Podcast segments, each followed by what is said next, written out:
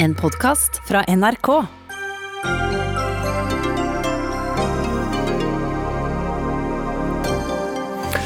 Det er full forvirring om rundt når barneidretten åpner. Kulturministeren sa 15.6 for barnefotball i morges. Så fikk vi vite at helsemyndighetene mente at 1.6 kunne all barneidrett åpne.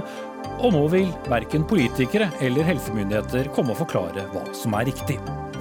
Flere skoler i Bergen vil ha leksefri ut året. Det er ikke løsningen når så mange barn allerede faller etter i undervisningen, sier Høyre. Flere skoler eh, Ja, hvor går smertegrensen for Kristelig Folkeparti, spør vi. De kan nå lide nederlag både i bioteknologiloven og om å hente hjem flyktningebarn fra Hellas. Og skal velferdsstaten overleve på sikt, så må det offentlige effektiviseres enda mer, sier Høyres Stefan Heggelund. Det ville gå utover både tjenester og omstillingsevne, advarer Tankesmien Agenda.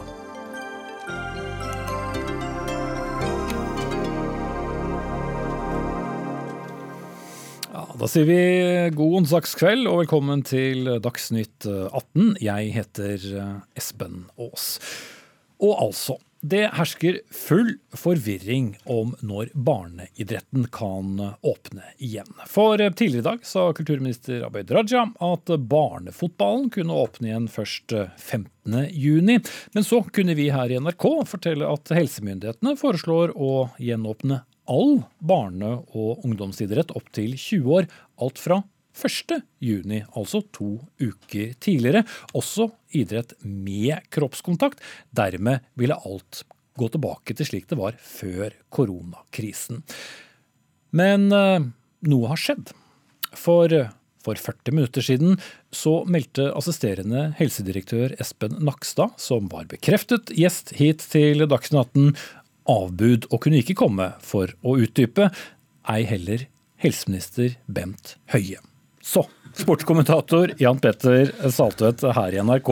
Det var altså vi som meldte om, om denne 1. juni-avgjørelsen hos eh, helsemyndighetene.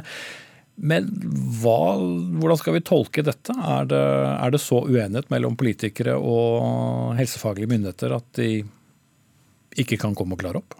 Uh, Åpenbart ikke. Eh, for 40 minutter siden sto jeg ute og venta på at barneidretten skulle begynne. Så dette, dette, skjønner jeg har eh, vært eh, dramatisk. En gladnyhet er ikke bare en gladnyhet i disse dager. Den politiske styringa av kommunikasjonen rundt dette er nok uh, viktigere enn uh, det kanskje fremstår for en del av oss uh, utenforstående. og Det tror jeg vi har fått et ganske klart eksempel på her. Jeg tror det har vært mange diskusjoner i mange ganger og kontorer i løpet av dagen. Mm. For det er jo slik da at helsemyndighetene de anbefaler og politikerne vedtar. Men det er jo veldig stort sprik ut fra hva Abid Raja har sagt om kun én idrettsgren, og hva åpenbart helsemyndighetene mener om all idrett.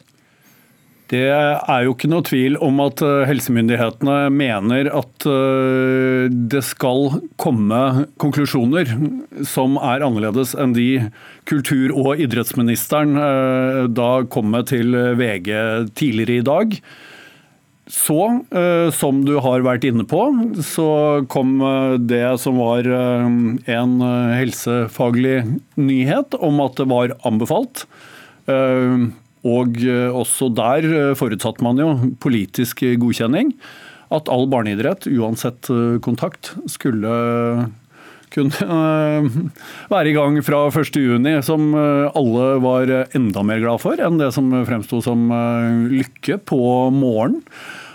Og så har det jo kommet eh, diverse hva skal vi si, varianter av det gjennom ettermiddag, og eh, også på pressekonferansen til eh, regjeringen. Og nå er det nok diskusjoner på hvordan dette skal bli. Men Bent Høie sa at 15.6 er foreløpig datoen, og denne kan bli skjøvet på. Så altså, konklusjonene kan fort bli de samme. Det er rekkefølgen i det som skal bestemmes på politisk nivå. Mm. Leif Elhaven, sportskommentator i eh, VG. Du har etterlyst eh, voksenpersoner. Håndteringen av barneidrett er blitt en parodisk kommunikasjonsfloke, skriver du i ettermiddag. Ja, for Dette begynner jo ikke eh, i dag. Altså Ser vi på tidslinjen på hvordan altså, de yngste idrettsutøverne er blitt uh, behandlet av uh, voksne mennesker, så er det fullstendig ugreit. Altså Det begynte med en pressekonferanse ganske lang tid tilbake hvor Abid Raja hintet om at man skulle få lov å drive kontakttrening i små grupper. Så endte det med at det ikke ble noe av. Så misforsto Norges idrettsforbund veilederen og gikk ut med at nå, at nå var det grønt lys, som til og med altså kulturministeren tvitret om at det var tilfellet, som altså, han igjen slettet. Deretter viste det seg altså at et folkehelseinstitutt-notat ville åpne for uh, kontaktfotball, uh, men så plutselig så mente ikke FHI det likevel, og var tydeligvis enig med Helsedirektoratet. Og nå kommer vi med en, altså en, dag i dag hvor altså kulturministeren klokken syv om morgenen snakker om eh, 15.6. Eh, noen få timer senere går Helsedirektoratet altså ut eh, med 1.6. Klokka fire så kommer det en pressekonferanse altså hvor helsedirektøren fremstår altså fullstendig uvitende og uforberedt på hva altså hans eget eh, direktorat altså har ytret i det offentlige rom. Og Da er vi altså over i parodien. og Det triste her er altså at det er barna, de minste, som altså har måttet ofre noe de er veldig glad i eh, over så lang tid. altså får ingen forutsigbarhet. Man kan ikke gi dem noen tydelige beskjeder. fordi altså, Det er et komplette kaos. og Dette må faktisk beslutningstagere ha prof, mer profesjonell kommunikativ forhold til. Dette holder ikke. Og vi skriver 20. mai, så enten åpner alt om eh, elleve dager, eller så gjør det det ikke. Vi tror fortsatt at alt åpner om elleve dager, uansett hvor uh, uvitende helsedirektøren uh, fremstår på pressekonferansen. Vibeke Sørensen, du er uh, første visepresident i Norges idrettsforbund. Har dere fått noen signaler som kan lede oss mot den ene eller den andre datoen? Jeg kan ikke avklare nå hvilken eh, dato det blir. Eh, det jeg kan si er at vi fram til nå i den prosessen vi har vært, har hatt god dialog både med helsemyndighetene og med eh, politikerne. Vi forholder oss nå til at vi i hvert fall skal starte barneidretten i løpet av juni, og det skal vi være klare for. For oss er det veldig viktig om vi kan starte 1.6, for det vil si at vi kan komme i gang med idrett for barn og ungdom før sommerferien. Vi kan tilrettelegge for det fellesskapet, for den idrettsgleden. De kan nå møtes sammen igjen før ferien kommer i gang. Så For oss vil det være særdeles viktig at vi får en endelig beslutning om at det blir eh, 1.6. Og I forhold til de eh, smitte, lave smittetallene vi har nå, så håper vi at det vil være beslutningen som endelig kommer fra politisk eh, nivå. Hvordan vil du karakterisere kommunikasjonsflyten rundt denne saken? Jeg vet ikke om vi fra idretten skal være de riktige til å kritisere kommunikasjonsflyt andre steder. Vi vet at det er en krevende tid eh, vi er i, og ting går fort. Dette er jo på mange måter covid minutt for minutt, og ting endrer seg. og eh, Det er raske beslutninger som tas. Eh, så For oss er det viktig å fokusere på det vi kan gjøre noe med, og det er å være forberedt på å starte idrettsaktiviteten når politikerne beslutter at vi kan gjøre det. Og Det tror jeg er det samfunnsoppdraget vi må ta her. At vi er beredt til å starte idrettsaktiviteten og tilrettelegge for at barn og ungdom skal få ha en meningsfylt hverdag og komme tilbake til normalen. Mm. Men Hvorfor er det så avgjørende å kunne få starte 1.6 og ikke 15.? Fordi ferien eh, nærmer seg. Det er viktig for barn og ungdom å få normalisert en eh, hverdag før ferien, og at vi kan få tilbake barna eh, våre og ungdommen til idretten før ferien tar til. Sånn at de får, kommer tilbake til det samholdet de har hatt, og opplever den idrettsgleden og fellesskapet som vi jobber for i idretten. Hvis vi ser på det rent økonomiske, hva har denne lange nedstengningen av barneidretten hatt å si økonomisk? Nei, Vi har jo kalkulert med ut de prognosene vi har, at vi har et nettotap for eh, norsk idrett på 1,5 eh, milliard. Og det er klart at det også er et eh, tap for klubber. Det er manglende inntekter etter manglende dugnader, manglende arrangementer. Og så må vi jo se på det som er den største konsekvensen, eventuelt frafall fra idretten. Økonomien er én ting, det er aktiviteten som vi er aller mest opptatt av. Og vi håper at nå vi kan komme i gang med idretten og redusere frafallet fra idrett, idrettsaktivitetene. Vi mener vi vet hvilke positive konsekvenser det å være i aktivitet har for barn og unge, og spesielt nå i den krevende situasjonen vi er i, hvor folk har sittet hjemme og vært mye mer isolerte enn det de har vært vant til. Mm. Uh, Leif Welhaven, uh, hvor mener du ansvaret ligger her nå?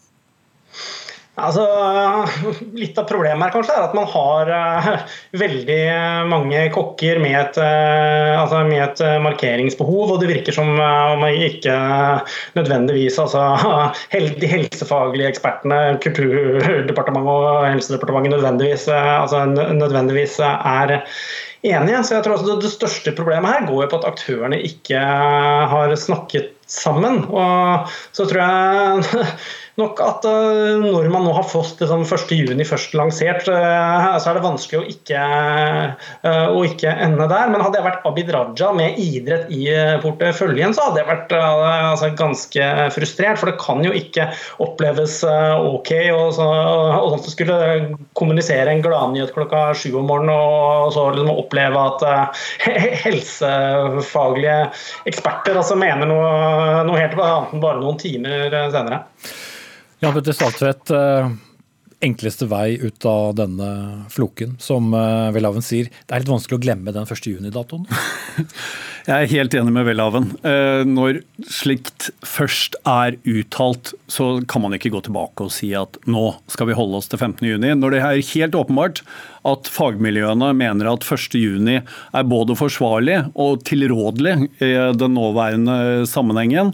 Og da må jo rådet fra oss bli at la politikk være politikk i det her. Ta de kommunikasjonsrundene som skal til.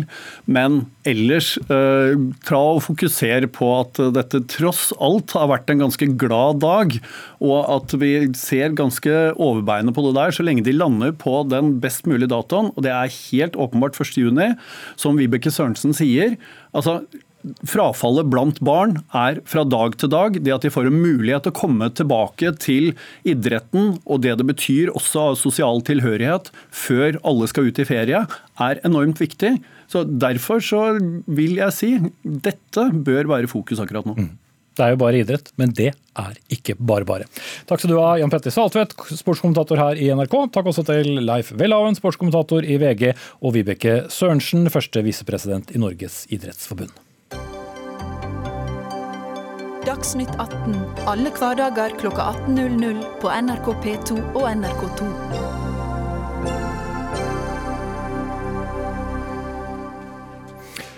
Det er jo, som vi alle vet, eh, mange konsekvenser av både helsefaglige råd og politiske vedtak som følge av koronaepidemien. Flere skoler i Bergen vil nå gi elevene sine leksefri ut eh, året. En av eh, skolene begrunner fritaket med at elevene har nok å tenke på fra før, og at de ikke lenger kan låne hverandres bøker f.eks. dersom de skulle bli gjenglemt på skolen, kunne vi lese i Bergensavisen. Men eh, Marte Leirvåg, bystyremedlem i Bergen kommune fra partiet Høyre, dette fikk deg til å reagere. Hvorfor det? Absolutt. Eh, I denne situasjonen så trenger vi mer kunnskap og ikke mindre. Eh, vi vet at eh, konsekvensene av hjemmeskole er vanskelig å spå, men det vi med sikkerhet kan si, er at forskjellene sannsynligvis kommer til å øke. Vi har en såkalt summer setback som allerede er gjeldende, og nå har man altså hatt hjemmeskole undervisning i åtte uker, og man går også mot en sommerferie som er tilsvarende. Så vi er bekymret for kunnskapsnivået til elevene som skal tilbake igjen på skolen i august, og mener at det å gi leksefri ikke er en løsning på det kunnskapsgapet som vi kommer til å eh, se resultatene av. Da. Mm. Men må de absolutt ta igjen det gapet hjemme? Kan de ikke gjøre det på skolen?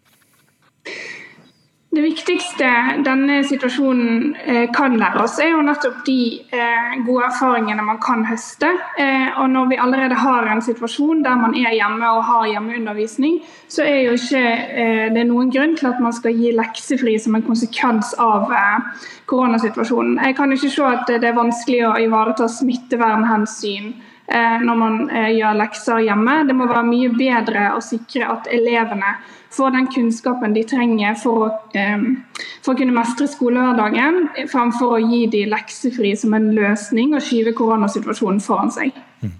Endre Tvinnereim, du er byråd for barnehage, skole og idrett i Bergen fra Arbeiderpartiet. Kan du berolige Leirvåg og alle hennes bekymringer?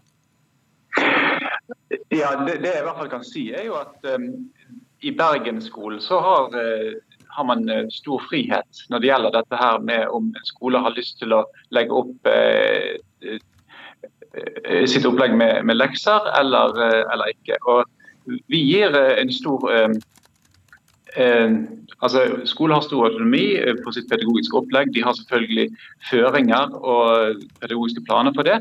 Men vi fra politisk side vi legger oss ikke opp i hvorvidt skole skal ha lekser eller ikke. Dette her er noe som Eh, vi stoler på eh, rektorer og lærere på hvordan de vil, legge det opp. Mm. Men er ikke du som eh, skolepolitiker bekymret for om hvorvidt elevene lærer det de skal gjennom skoleåret?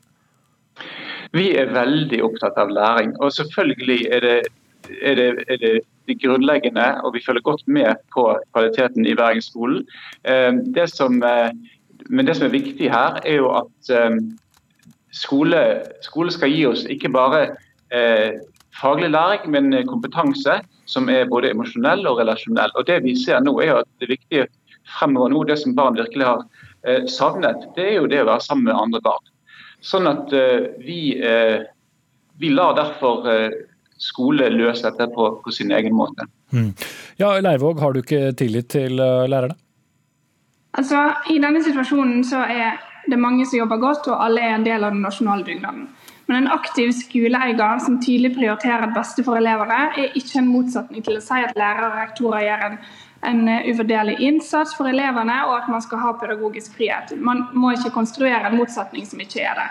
Fravær av skoleledelse er, det er alvorlig. Eh, Endre Tvinnereim er skolebyrådet ansvar for over 40 000 barn. og I ordinær undervisning så vet vi at 15-25% av elevene faller fra. Jeg er bekymret eh, når eh, skolebyråden ikke tar kunnskapsskapet på større alvor enn det han utviser her. Og ber om at han i alle fall må svare på hvordan man skal ta igjen det etterslepet som veldig mange elever kommer til å, å oppleve som følge av koronasituasjonen. Og man er nødt til å også sørge for at man får de verktøyene man trenger for å kunne eh, løfte elevene til et eh, akseptabelt kunnskapsnivå igjen. Lekser er et veldig godt verktøy for å trene på de grunnleggende ferdighetene. Og det mener jeg at eh, en aktiv skoleeier også er nødt til å kunne prioritere i denne situasjonen. Og sende tydelig signal til skolene, rektorene, lærere og ikke minst foreldre og elever på hva eh, slags eh, krav og ønsker eh, og politiske føringer man har for Bergensskolen. Akkurat nå så virker de å være totalt fraværende fra Ap-byrådet sin side. Ja, det får Ap-byrådet nesten få svare på. Det, det, her er jeg nok ikke helt enig i. og Det med lekser har vært en lang debatt i Bergensskolen. Det finnes forskjellige tilnærminger til lekser, men eh, fagfolkene har jobbet med dette her veldig lenge i Bergen. Og det vi vet er jo at lekser kan være gode hvis de blir lagt opp på en god måte, men lekser er også vist i forskningen til, til, å øke forskjeller. Og Spesielt hvis man har lekser som gis og som barn ikke kan gjøre på egen hånd, som trenger da, dag for f.eks. foreldre eller andre til å hjelpe seg, så kan det faktisk øke forskjeller. Så dette med lekser er en ganske lang debatt. Men Bruker du, eh, og, bruker du da koronasaken som en brekkstang inn i den debatten? Nei, det gjør jeg ikke. Eh, dette her er uavhengig av korona. og det jeg sier er at Skolene har lov til å gi leksefri til de, eh, i de tilfellene der de, der de syns det er best. Men det å hevde at lekse, det å fjerne lekser fører til ulikheter, det er nok eh, det motsatte av det forskningen viser. I beste fall kan eh, lekser hjelpe elever hvis, de, hvis elevene kan gjøre det på egen hånd. Men i verste fall kan faktisk leksene øke forskjellene. Leirvåg. Altså, Skolebyråden i Bergen har jo allerede avlyst alle former for tilbakemelding. Eh, for Man har avlyst brukerundersøkelsen i barnehage, skole og på SFO. Så Endre Tvinnerheim er jo egentlig først og fremst egentlig ikke interessert i å få kunnskap om hvordan hjemmeskolen fungerer. Og Det å bruke denne situasjonen til å diskutere leksefri som en prinsipiell debatt i skolen, det syns jeg ikke hører hjemme noen plass. Nå er vi nødt til å sikre at elevene får det kunnskapsgrunnlaget de trenger for å kunne mestre videre utdanning og arbeid. Eh, og på akkurat dette oppdraget så svikter skolebyråden nå. Eh, og det å vise til forskningsresultater, det kan vi godt diskutere, men jeg vil i alle fall ha fakta på bordet. Og når vi vet at forskjellene kommer til å øke som følge av koronasituasjonen, og Ap-byrådet har ingen plan på hvordan elevene i Bergensskolen skal få tatt igjen det kunnskapsetterslepet, så er jeg bekymret. og Eh, I krisepakkeforhandlingene her lokalt i forbindelse med koronasituasjonen, så prioriterte Høyre 50 millioner kroner ekstra til skolene. Jeg har ennå ikke hørt hvordan skolebyråden har tenkt å bruke disse pengene, og jeg forventer en plan på bordet snarest mulig som sikrer elevene det kunnskapsgrunnlaget de har krav på fra oss som okay. politikere. Kort til slutt, uh, Tvinnereim. Ja, Når det gjelder eh, skole og hvordan det fungerer best, så mener vi fremdeles at skole fungerer best på skolen, og elever lærer best sammen med andre elever. Når det gjelder de 50 millionene som Leirvåg nevner, så er vi veldig glad for at de pengene kom på bordet. Vi tror det at eh, disse pengene kommer altså vi virkelig til å trenge når, eh, når, elevene kommer tilbake til høsten. Da kommer det en stor utfordring. Det er mange elever som skal tilbake i rett spor. Og vi har eh, en plan for det som vi har eh, jobbet med i det siste. På f.eks. å ansette flere miljøarbeidere, assistenter, pedagoger eh, og prioritere f.eks. språklæring. Så Vi har eh, ganske gode og omfattende planer. Vi har også sett på mulighet for sommerleirer åpne idrettsanlegg mer enn det som er vanlig. Så, så, vi har eh, ganske detaljerte planer for hvordan vi skal bruke disse ekstra midlene. Og så er det klart at Her trenger vi også en hjelpende hånd fra staten for å få finansiert disse ekstra midlene Eh, med hendene, disse lærekreftene. For vi trenger nok alle mann på dekk. Ok, Så du trenger mer enn eh, en det ekstra som har eh, kommet lokalt, altså. Da setter jeg strek. Takk til Marte Lærvåg, bystyremedlem i Bergen kommune fra Høyre, og Endre Tvinnereim, skolebyråd i Bergen kommune fra Arbeiderpartiet.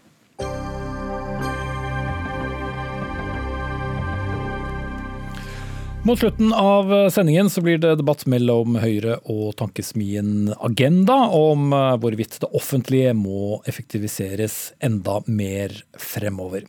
Men nå, hvis du først har fått eh, en hodepine, vil du da ha to? For to vanskelige saker rir Kristelig Folkeparti om dagen. De ønsker veldig sterkt å få hente flyktningbarn fra Moria-leiren i Hellas til Norge men klarer ikke å bli enige med regjeringspartner Høyre. Og I tillegg, som vi vet, så kan det gå mot eh, et nederlag i den eh, svært prinsipielt viktige verdisaken om ny bioteknologilov, der eh, Fremskrittspartiet ser ut til å kunne sikre flertall mot Kristelig Folkepartis ønsker. Og Kine Golf Ropstad, stadig KrF-leder, hvor villig er du til å gå, eller hvor langt er du villig til å gå i disse to sakene? Det er viktige saker for KrF. Eh, og For å ta den bioteknologi først, eh, så har vi jo varsla veldig tydelig at siden den er så viktig, og så prinsipielt viktig, eh, så mener vi at det er viktig òg at den får full sal i Stortinget, så alle representantene må stemme. Fordi vi tror at siden Frp har stilt sine representanter fritt, så betyr det òg at det er gode sjanser for at det kan bli et flertall mot disse radikale endringene. Men du vet ikke det per i dag? Nei, og det kommer jo litt an på om de velger å stemme eh, sånn som noen har varsla i media. Eh, men det er klart at eh, bare Arbeiderpartiet, Sosialistisk Venstreparti og Frp vil jo ha 86 stemmer, og du trenger 85 for flertall. Så det er ikke så veldig mange stemmer det står om til slutt. Og, og, dette handler om for KrF da, et samfunn med plass for alle. Vi ser land som Danmark, Island som har innført noe av dette regelverket. Der fødes det knapt barn med Downs syndrom. Og det er en veldig viktig verdikamp. og Derfor så kommer vi til å jobbe dag og natt fram til avstemninga på tirsdag, og håper og tror at vi skal klare et flertall. Mm. Og Begge sakene eh, dukker jo opp da. Uttalelser både fra deg og noen av dine partifeller har kommet med de siste dagene, eh, har antydet at dere kan komme til å bryte med regjeringen? Er det reelt? Ja, når det gjelder bioteknologi, så er jo det en avtale mellom for så vidt Frp, Høyre, Venstre og KrF og tilbake et år til Granavolden. Eh, så mitt mål er jo flest mulig holde den avtalen, og at eh, flest mulig Frp-representanter støtter dere. Eh, og når det gjelder Moria, som òg er en ekstremt viktig sak, det handler om solidaritet i Europa, en krevende belastning på Hellas, der vi mener at Norge må ta del i det felles europeiske initiativet som er, med elleve andre land. Og, og i den saken så jobber vi jo først og fremst for å finne en løsning i regjering, og så ligger det et forslag i Stortinget til behandling. Men uavhengig av det forslaget, så jobber vi for en løsning òg internt i regjeringa. Mm. Men hvis du ikke kommer til enighet med, med Høyre, så vil det kunne være en teoretisk mulighet til å sikre et flertall i Stortinget dersom Kristelig Folkeparti stemmer med opposisjonspartier. Ja, Nå er det jo ikke noen sånne forslag i Stortinget som ligger an til et flertall. Eh, men, men uavhengig av det, så, så har jo vi et godt samarbeid i regjeringa, en god diskusjon rundt det. Og det er noen krevende utfordringer òg med dette initiativet og forpliktende det er om andre land virkelig er villige til å stille opp. Så vi jobber med å få kartlagt mest mulig av det, for å forhåpentligvis bli, finne en enhet i regjering, og så melde inn at vi vil ta en andel eh, på lik linje med f.eks. Tyskland eller Finland, som, som har gjort det. Mm. Men så langt så har i hvert fall alle Høyre Høyres representanter som har vært her, og sikkert du har snakket med også, sagt at de vil ha en felleseuropeisk løsning, ikke gå sammen med noen europeiske land. Eh, så da kan det gå mot et nederlag på tirsdag? Da? Ja, Samtidig så er det jo nå da elleve land og kommisjonen som fant ut av standardprosedyre nå rett før helga. Eh, og Så må vi se litt hva egentlig de, om de åpner opp for at vi som land kan stille tydelige krav på hvem vi ønsker å hente. fordi jeg mener jo at det, det, vil ikke være riktig å hente noen som mest sannsynlig får avslag på sin søknad og blir sendt ut. Så det å kunne f.eks. stille krav om enslige mindreårige under 15 eller barnefamilier fra f.eks. Syria som vil ha lettere for å få opphold. Altså Vi er avhengig av sånne type løsninger for at dette skal fungere. Men der mener jeg jo at når da elleve land pluss kommisjonen, og da hvis du regner med eh, disse mottakerlandene, Spania, Italia, Malta, Hellas, som naturlig nok får belastninger, så begynner det å nærme nærmer deg en veldig god andel av de europeiske landene, og da begynner det å nærme seg et felles europeisk initiativ, og, og, og da et fellesskap som jeg mener vi bør ta del i. Mm. Så får vi se hva, hva, Høyre sier. Men bare for å ha brakt én ting helt klart. Eh, det står ikke om videre regjeringsdeltakelse for KrF i disse sakene, eller gjør det det? For noen uttalelser kan tolkes dit hen. Ja, altså Vi er jo tydelige på at eh, vi jobber det vi kan for å finne løsninger. og det er klart sånn Som bioteknologi så var jo nettopp det at vi fikk den regjeringsplattformen det som var nøkkelen for å, for å binde et flertall. Eh, så gikk jo Frp ut, og ulempa med det var jo nettopp at vi mista det flertallet vi hadde. Men det kan løse seg gjennom at vi faktisk får enkeltrepresentanter som, som stemmer i tråd med plattformen. Så Foreløpig så, så, så har jo jeg tro på at vi skal vinne den saken. og Tvert imot så tenker jeg at det er viktig at KrF er i sentrale posisjoner. fordi eh, Eh, ja, det å ha uttrykk og tydelig stemme på disse sakene, det er viktig. Mm. Så dere blir i regjering?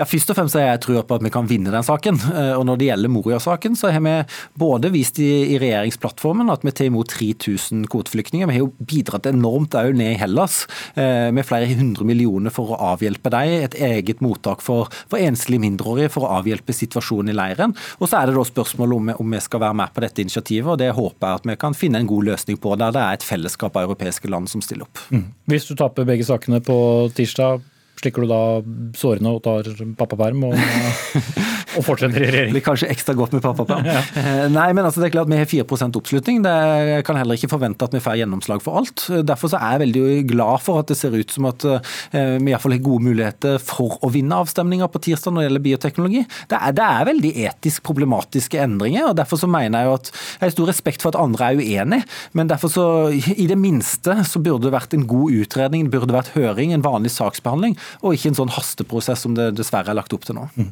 Og I den Granavolden-erklæringen som eh, du nevnte i sted, så hadde jo dere da fått eh, en forsikring om at det skulle ikke komme en, en eh, lovendring i, i bioteknologiloven. Så gikk altså Fremskrittspartiet ut og har i hvert fall tilsynelatende sikret et flertall for endring i loven. Men vil det komme en uh, liten payback fra Kristelig Folkeparti på FrPs seier og forsikringer i den samme Granavolden-erklæringen dersom dere taper denne saken? Nei, først må jeg jo bare si at Regjeringa fremmer jo en rekke endringer i bioteknologiloven òg, fordi den skal oppdateres. Ja da, men det var deler av den som Som jeg var veldig sterkt imot, og som, som jeg vant fram på. Nei, jeg har sagt det tydelig at uh, det er klart at hvis et av de viktigste gjennomslagene uh, på disse spørsmålene for KrF blir stemt ned eller blir vedtatt mot, mot Granavolden-plattformens vilje, så er jo lysten for å, å kjempe for Frp sine seier i, i plattformen veldig liten. Jeg må innrømme det. Det er ikke bare i eh, bioteknologisaken som Fremskrittspartiet har stemt imot uh, sine gamle regjeringspartier. I går diskuterte vi domstolsreformen her i Dagsnytt 18. Ja, og så tok du, Roy Steffensen, stortingsrepresentant fra Fremskrittspartiet og leder for utdannings- og forskningskomiteen, kontakt med Arbeiderpartiet og Senterpartiet og sikret flertall for å endre regjeringens allerede foreslåtte kompetansereform. Hvorfor var det en uh, viktig sak? For, eh, for, Fremskrittspartiet så eh, har det vært viktig å løfte eh, yrkesrelaterte utdanninger. Der har vi fått til veldig mye i regjering og i samarbeid med, med både Høyre, og Venstre og KrF. Men vi mener vi har fått det på langt nær nok. Og her åpner det seg en mulighet for å sette seg ned og snakke med Senterpartiet og Arbeiderpartiet om ting som ville bidra til å sørge for at kompetansepolitikken bærer mer preg av, preg av arbeidslivets behov. Så Vi har fått til nå eh, bransjeprogram for eh, oljenæringen. Eh, vi får på en betydelig økning i studieplasser i fagskolene. Nå i dag så er det et finansieringssystem for universiteter og høyskoler som ikke har noen insentiver for hva som skjer med studenten etter endt eksamen. Nå får vi inn relevant arbeid etter endt studie som en faktor. Så vi er kjempegodt fornøyd med de tingene vi har Eh, klart å få til nå sammen med Arbeiderpartiet og Senterpartiet. Det er ting vi ikke klarte å få til i eh, forhandlinger med KrF og Venstre og Høyre, bl.a. om regjeringsplattform for, eh, for 2019. Så en, en, god del omkamper da. Og så sier du til VG i dag at de, altså regjeringen, har vært for opptatt med presseshow og dansing til å forankre saken på Stortinget. Føler Fremskrittspartiet seg litt glemt? Jeg må jo si jeg var litt, litt overraska over at eh, vi aldri fikk en henvendelse fra Eh, Høyre eller regjeringspartiene på, eh, på, eh, den kompetansereformen som ble lagt fram 22.4. Det er jo nå ca. en måned siden de la den fram, og det var først nå på mandag at vi fikk en henvendelse fra Høyre om, om vi kunne tenke oss å sette oss ned og, og se på marknader i, i, det arbeidet som var. Men da hadde vi allerede framforhandla en, en, avtale med Arbeiderpartiet og Senterpartiet. Så det, her er en, en de, det, det, Inntrykket ut av det er i hvert fall at de har vært mer opptatt av presseshow og har disse daglige pressekonferansene, enn å sørge for å tenke på at det er faktisk et arbeid som òg skal gjøres i Stortinget for å få gjennomslag for den politikken som, som en mindretallsregjering fremmer. Mm. Men det har kanskje ikke blitt noe rettere nå, Ropstad? Hva tenker du på? Uh, å snakke mer med Fremskrittspartiet, hvis vi ser tilbake på de sakene vi har ja, diskutert? Nei, altså, Jeg skal være ærlig på det at jeg har samarbeida veldig godt med, med, mange av Frp sine stortingsrepresentanter. De har vært kollegaer av meg i, i, regjering, og jeg syns de har vært både konstruktive og gode å samarbeide med. Roy Steffensen har jo hatt veldig sansen for å ha gode både samtaler og samarbeid med, så, så, det skal ikke stå på det. Men det er klart at det har vært en ekstrem periode for regjeringa, og mange av statsrådene har jobba dag og natt med å håndtere situasjonen perioden. Så eh, jeg vil jo si jeg er uenig når, han sier det, det, det presseshow. Eh, for oss har det vært viktig å kunne kommunisere tydelig til befolkninga og gi så mye informasjon vi kan. Og Der syns jeg statsministeren i spissen, Bent Høie og Monica Mæland og resten av gjengen har gjort en, en, en veldig viktig jobb. Og så må det jo vi bare ta til oss at det er viktig eh, med disse samtalene med Steffensen og andre. fordi som han er helt rett i, det, det foregår viktige forhandlinger på Stortinget, og der skal selvsagt òg vi stille opp. Mm. Men få, altså Fremskrittspartiet sammen med opposisjonspartiene har jo endret på veldig mange av regjeringens eh, forslag, eh, Steffensen, også på mange av disse hjelpepakkene. Føler dere i partiet at dere har fått den anerkjennelsen dere syns dere skal ha?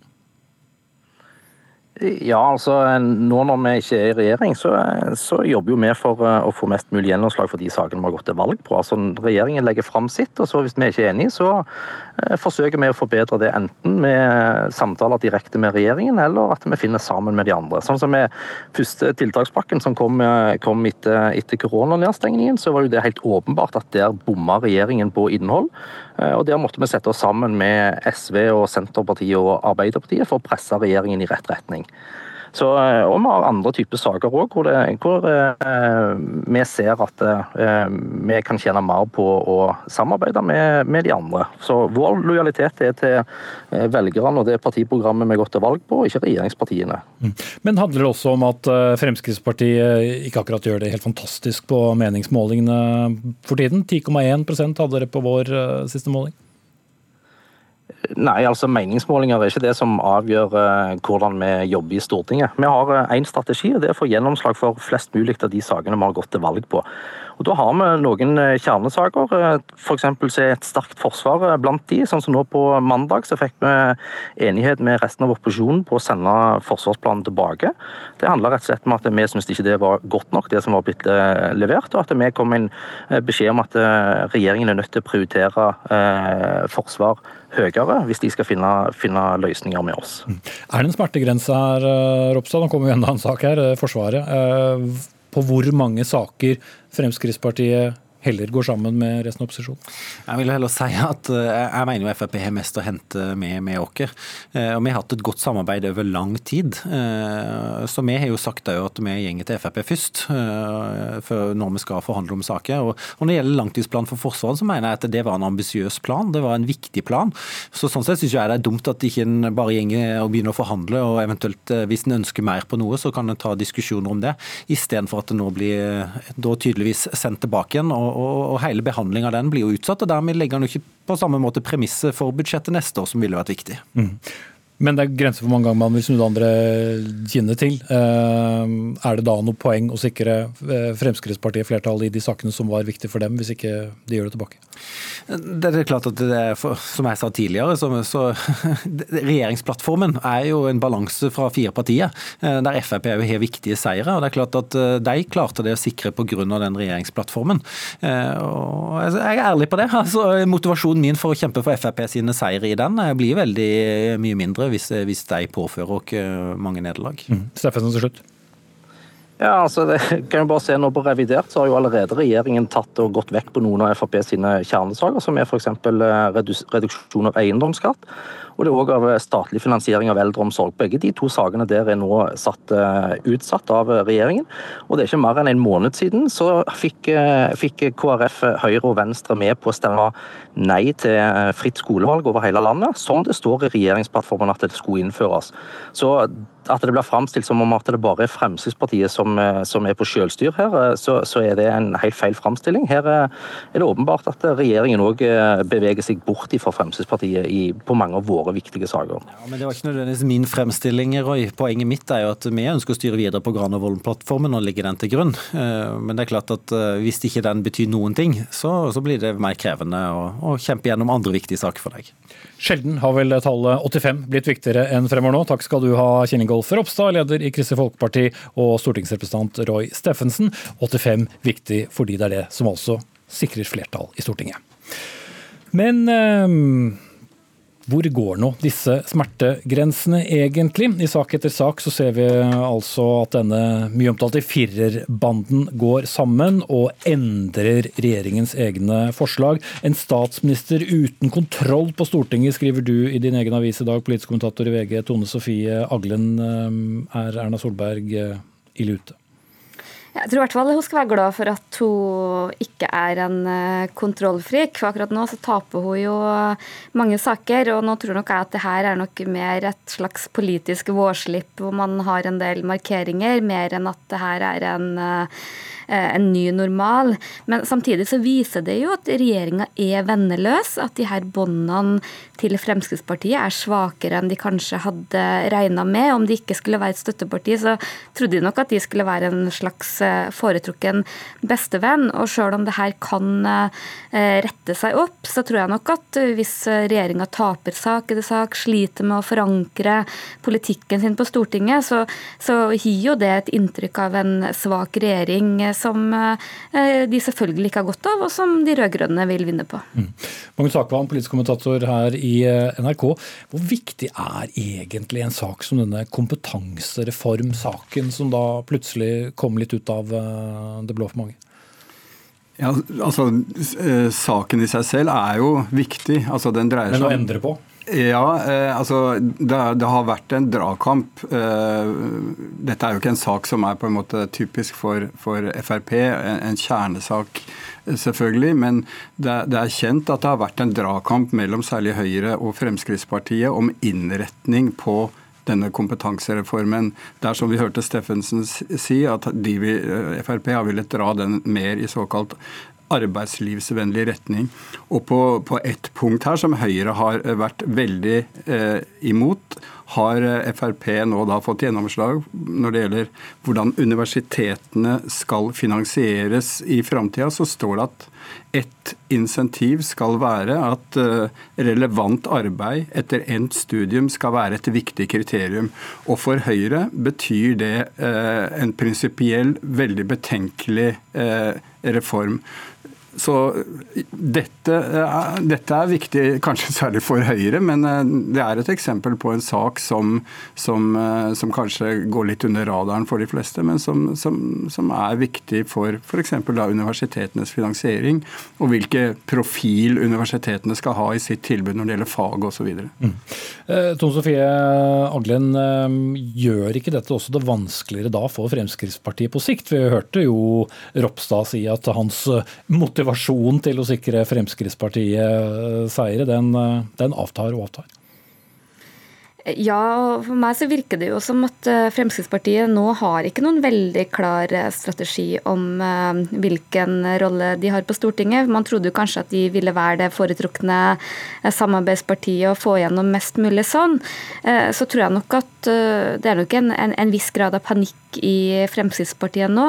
Eh, de gikk jo ut på et tidspunkt hvor de trodde de hadde god tid til å bygge seg opp som et opposisjonsparti. Så kom jo denne koronakrisen, og det var ingen som kom mer i skyggen enn det de gjør. Det ser vi også veldig godt på meningsmålingene. Men jeg tror nok det viktigste for Frp her i runden er å gi et tydelig signal til Høyre om at dere trenger oss mer enn vi trenger dere. Og så tror jeg nok at de også ønsker å jekke særlig Høyre litt ned, som de syns på en måte har sittet litt på her monopolet sitt i koronatida, og, og vise dem at eh, vi er viktige og, og vi vil ha innflytelse, og vi kan ikke tas for gitt.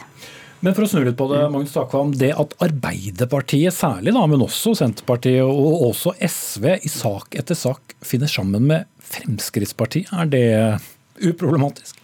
Det er jo helt uh, nye allianser vi ser nå, og det er en, på en måte en unntakstilstand.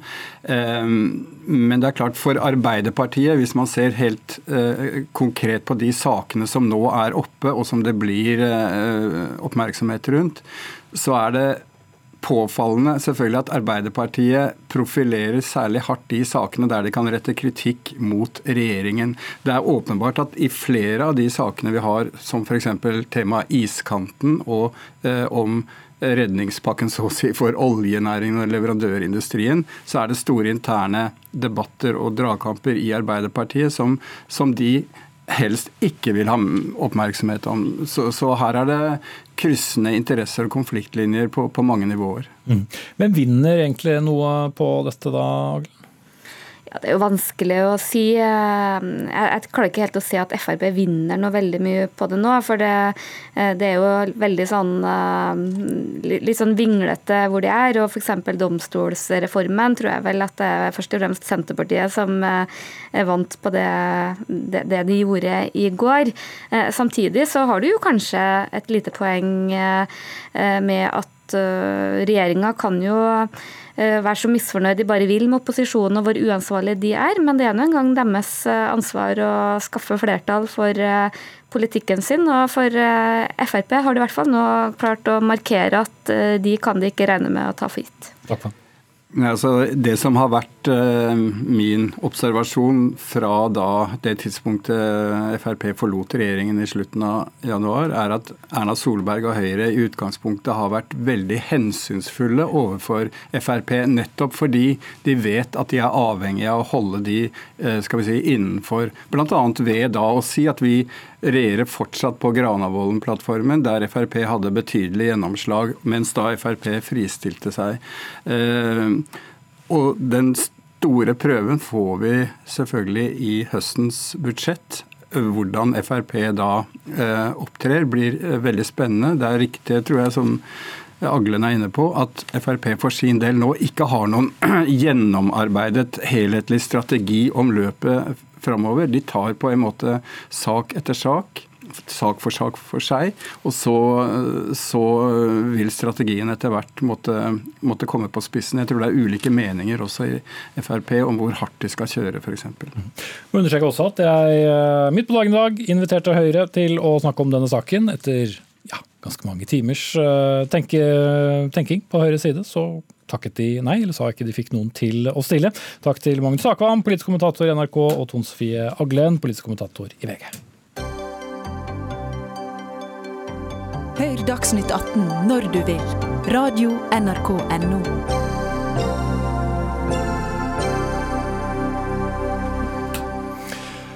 Aktor la i dag ned påstand om 21 års forvaring med en minstetid på 14 år for Philip Manshaug, som er eh, tiltalt for drapet på sin stesøster og terrorangrepet på moskeen i Bærum 10.8 i fjor. Aktor betegnet eh, drapet på stesøsteren som en planlagt henrettelse som var rasistisk motivert, og beskrev det mislykkede moskéangrepet som et kynisk angrep på fredelige mennesker i et gudshus. Forsvareren på sin side mener at Manshaus må frikjennes. Og Inge D. Hansen, rettskommentator i, i, Aftenposten, du har fulgt denne saken tett, også prosedyren uh, i dag. Hva er begrunnelsen for 21 års forvaring? Ja, For det første er det jo to alvorlige straffbare forhold. Eh, drapet på stesøsteren alene vil jeg tro ville endt med en eh, 19-20 års fengsel. Og så har man da en terrorhandling i tillegg, så da sprenger man jo grensen på 21 år. Så 21 års forvaring, påstand for akt, og det måtte bare komme. Mm. Men eh, helt motsatt eh, ende da, forsvareren. Hvordan argumenterte hun for frifinnelse? Ja, Hun mener jo at, han, at, det er så mye tvil om hans psykiske tilstand at, eh, at retten må, må, må avsi frifinnende dom. Det betyr jo ikke at han skal slippe løs. Det betyr at man da eventuelt skal overføre han til tvungent psykisk helsevern. Mm. Hvordan har du opplevd at tiltalte har fremstått da under disse dagene i Asker og Bærum tingrett? Ja, jeg har jo sagt at han eh, fortonet seg nærmest som en kloning av Anders Behring Breivik. Han kom inn i mørkdeis, hvit skjorte, slips, vannkjemmet hår, akkurat som Breivik. I forklaringen er iskald. Det er ikke noe empati, det er ingen anger å spore. Og jeg må jo si at eh, for en ung nynazist på 22 år som kommer inn i en moské bevæpnet med to geværer og med hensikt å drepe flest mulig mennesker. Og så får han juling, rett og slett juling, av to ubevæpnede muslimske pensjonister. Det gjør seg nok ikke særlig godt i det miljøet. Mm. Ja, Det bringer meg over til deg. Det er Katrine Solleifsson, forsker ved Senter for ekstremismeforskning. Du har også gjort et poeng ut av det eh, tidligere. Men eh, til saken som sådan, som du også har eh, fulgt, eh, hvordan har du vurdert eh, atferden til Manshaus? Så Den er veldig i tråd med en del av de miljøene han har blitt radikalisert i. Han prøver jo å framstå som en veldig logisk og rasjonell nynazist. Han har omfavnet denne hvit makt eh, over ideologien. Og han framstår også opptatt av å unnskylde seg til meningsfeller for at drapstallene ble så lave, og på en måte få tilgivelse og få en høyere status i det miljøet. Mm. Men uh, hvor vellykket har det da vært ut fra responsen? Mange var jo tidlig opptatt av at dette gikk jo ikke så bra, også i de miljøene som man gjerne ville få oppmerksomhet fra? Det har jo slik sett vært en mislykket aksjon, men han klarte jo å skape frykt i det norske muslimske miljøet. Han drepte sin stesøster, så det har jo menneskelige, veldig dramatiske konsekvenser. Men det viktigste her er jo at det viser et mønster hvor han setter seg selv i sammenheng med tidligere terrorhendelser, og er veldig opptatt av dette med å akselerere en framtidig eh, rasekrig som man tror kommer. Så for, for meg framstår dette som det er tatt ut av en bok, nærmest. Mm. Eh, hørte Hansen trekke paralleller til 22.07-terroristen. Eh, Hvordan vurderer du det? Ja, absolutt. Det er, altså, Behring Breivik har jo fått en stjerne i visse høyreekstreme miljø, og spesielt digitale subkulturer. Og dette massedrapet på New Zealand i fjor, han, terroristen satte seg selv i direkte sammenheng med Breivik. Og etter han var det jo da to andre i USA som satte seg selv i direkte sammenheng. Og den siste var jo da 3. august, altså dagen etter da Manshaus lastet ned dette manifestet og følte seg kallet til å begå en terrorhandling. Så det er klart at det går en linje fra Behring Breivik via USA tilbake til Norge, og så faktisk til Tyskland. Så det gir også mening å se på dette her som noen slags kjedereaksjoner. At det er eh, ny teknologi som muliggjør livestrømming og massestrømming av massedrap, og ikke minst et globalt medforfatterskap av hvit overmaktpropaganda. Mm. Selv om da denne, dette forsøket på, på terror da uh, strandet uh, mye tidligere enn Manshaus hadde tenkt, vil det da få noe å si for disse nærmest kjedereaksjonene som vi da har sett fra, fra tidligere terrorhandlinger? Eh, ikke nødvendigvis. Det har ganske lite omtale nå, og det blir lite omtalt utenfor Norges grenser. Men det er jo andre eh, terrorangrep som har vært etter dette her, og det er også flere som har vært avverget. Så det er en ny trend vi ser nå når det gjelder terroranslag. Det var fire eh, høyreekstreme angrep i Vest-Europa i fjor, hvorav to hadde likhetstrekk. Det var ett i Halle og dette i Bærum. Så det er en slags, dessverre en slags ny trend innen høyreekstrem terror. Mm. Ingrid Hansen, eh, når får vi en eh, konklusjon? En dom? Nei, Før sommerferien iallfall. Jeg vil tenke at det tar en drøy måneds tid. så. Mm. Er det stor sannsynlighet for at den eh, vil kunne gå videre i, i rettssystemet? Det avhenger selvfølgelig selvfølgelig hva dommen blir. Men... Ja, Det blir jo litt spennende, fordi at uh, forsvareren uh, påstår jo frifinnelse. Mens uh, tiltalte selv i sin sluttappell til retten ba jo om å få en streng straff. Så uansett utfall her, så blir de spent på om det blir en anke. Jeg regner med du følger med videre der også. Takk til Ingrid Hansen, rettskommentator i Aftenposten, og Katrine Torleifsson, forsker ved Senter for ekstremismeforskning.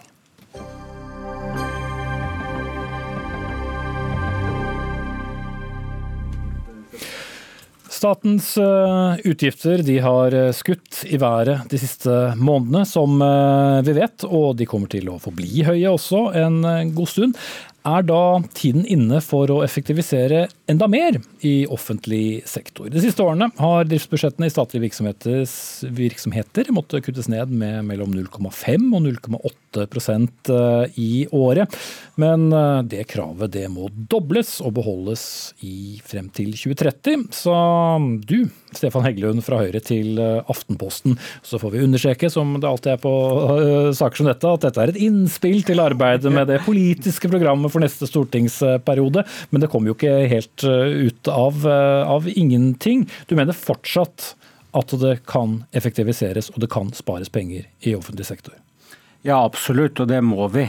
Vi har lenge visst, også før korona, at eh, hvis vi ønsker å bevare velferden for fremtidens generasjoner, så må vi gjøre endringer i måten vi driver staten vår på. Det er fordi at handlingsrommet på budsjettet blir mindre. Eh, det er mer penger som er bundet opp, f.eks. i pensjoner osv. Lavere oljepris i fremtiden. Alt dette gjør at hvis vi ønsker å bevare velferdsstaten for fremtidens generasjoner, så må vi drive staten annerledes. Og det gjør også at eh, vi er nødt til å ha noen ubehagelige, litt upopulære diskusjoner og ta noen upopulære beslutninger fremover. Eh, fordi norske prioriteringsdebatter rett og slett ikke har vært helt som andre lands prioriteringsdebatter, men det må de bli mer og mer. Og Det som er veldig bra med ABE-reformen, så er det Som er utgangspunktet altså av byråkratiserings- og effektiviseringsreformen for alle som ikke har forkortelsene under huden? Ja. Nettopp. Det er, og det som er veldig bra med denne ABE-reformen, og Grunnen til at jeg mener at vi burde kunne øke den, det er at den gir rom for prioriteringer. Den øker handlingsrommet på budsjettet, og gjør det da enklere å prioritere satsingsområder som man ønsker i, i det årets budsjett man, man skal vedta. Mm. I den grad du kan klare å, snakke, eller svare kort på det. Halvannen prosents kutt f.eks. høres jo ikke så mye ut for, uh, mener man? Nei, og jeg har ikke foreslått det engang. Jeg har foreslått en dobling fra Altså den har variert fra 0,5 til 0,8. Så har jeg sagt en dobling av det vil da være ca. 1,2, ikke sant.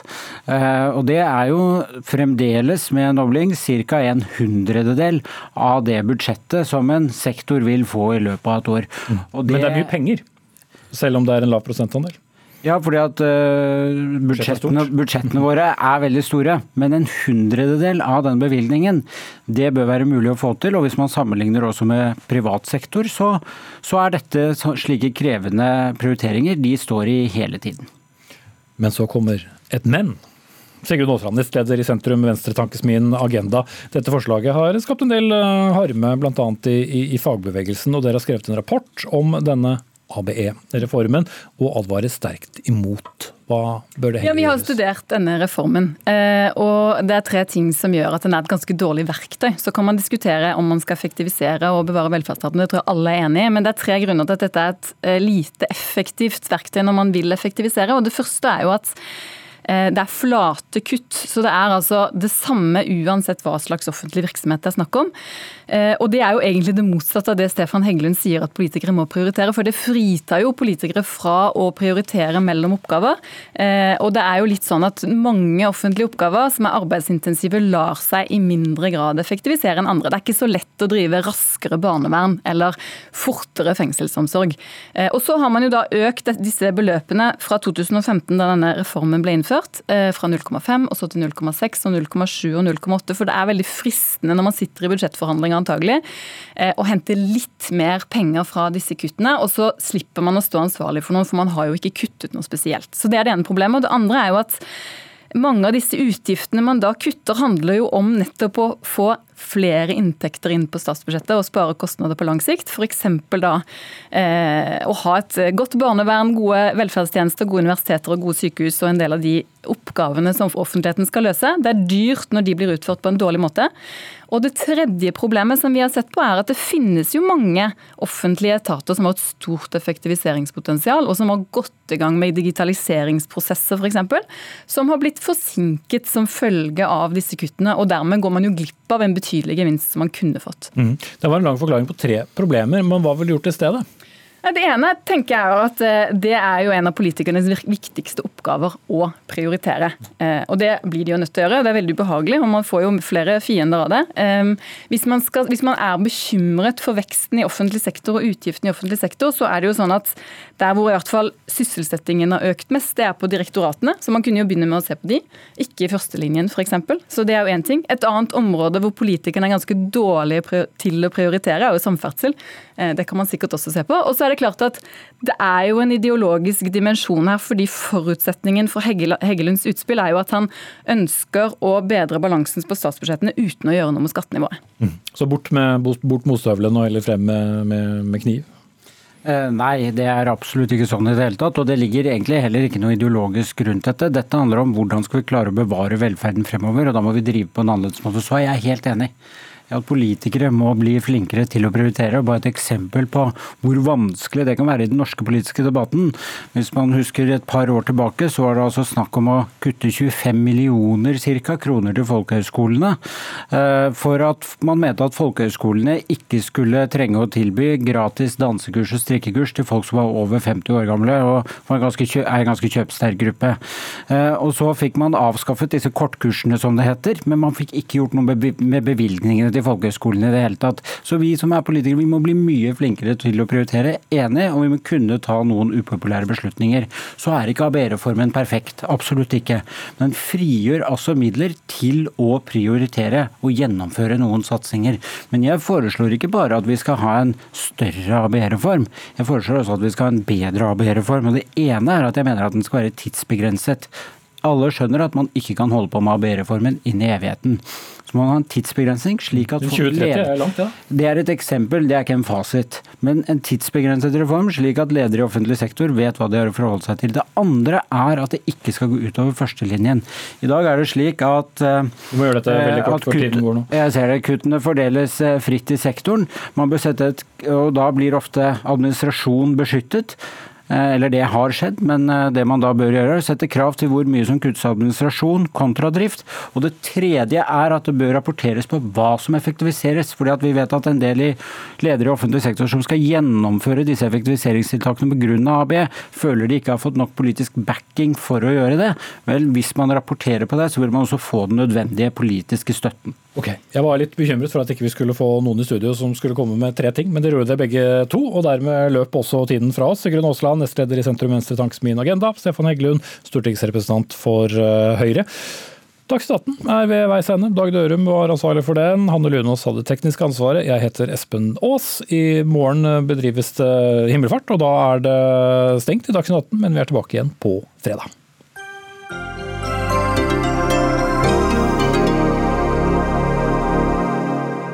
Du har hørt en podkast fra NRK. Hør flere podkaster og din NRK-kanal i appen NRK Radio.